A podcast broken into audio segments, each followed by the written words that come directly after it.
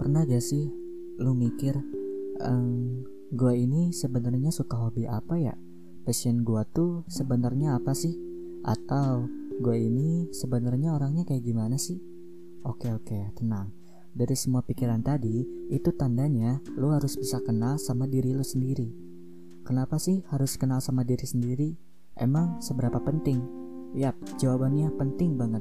Karena itu diri lu sendiri Selain lo bisa lebih mengenal diri lo sendiri, lo juga bisa tahu nih apa prinsip yang lo pegang dalam hidup lo, mengetahui kepribadian diri lo, dan yang paling penting, lo bisa tahu kekuatan diri lo yang keluar saat menghadapi masalah atau ketika lo lagi rentan. Uh, kalau nggak kenal sama diri sendiri, apa efeknya? Nah, efeknya adalah emosi lo bakal nggak stabil dan mudah rentan terhadap sesuatu. Lalu gimana sih caranya biar kita kenal sama diri sendiri? Dimulai dari hal-hal kecil. Contohnya, lo hobi nyanyi, lo hobi renang, atau makanan favorit lo adalah lele goreng, sate, kebab. Semakin lo menyelami diri lo sendiri, dengan otomatis lo bakal bisa kenal sama diri lo. Selain itu, ada beberapa hal yang harus lo cari tahu, yaitu yang pertama, personality. Yap, Lo harus tahu diri lo di saat lagi sama teman-teman lo gimana, saat lo sendiri gimana, dan saat lo sama orang asing gimana. Yang kedua, kelebihan dan kekurangan. Lo harus tahu nih kelebihan dan kekurangan lo tuh apa aja. Dengan mengetahui kelebihan lo, lo bisa tahu nih kalau lo tuh ahli dalam hal apa aja. Dan dengan mengetahui kekurangan lo, lo jadi tahu hal apa aja yang harus dibenahi dalam diri lo. Yang ketiga, prinsip. Nah, apa aja sih prinsip-prinsip yang lu pegang dalam menjalani hidup?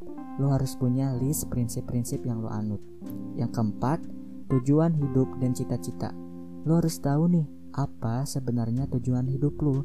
Dengan lu tahu tujuan hidup lu, lu bisa tahu mana aja hal yang prioritas bagi diri lu. Begitupun dengan cita-cita lu.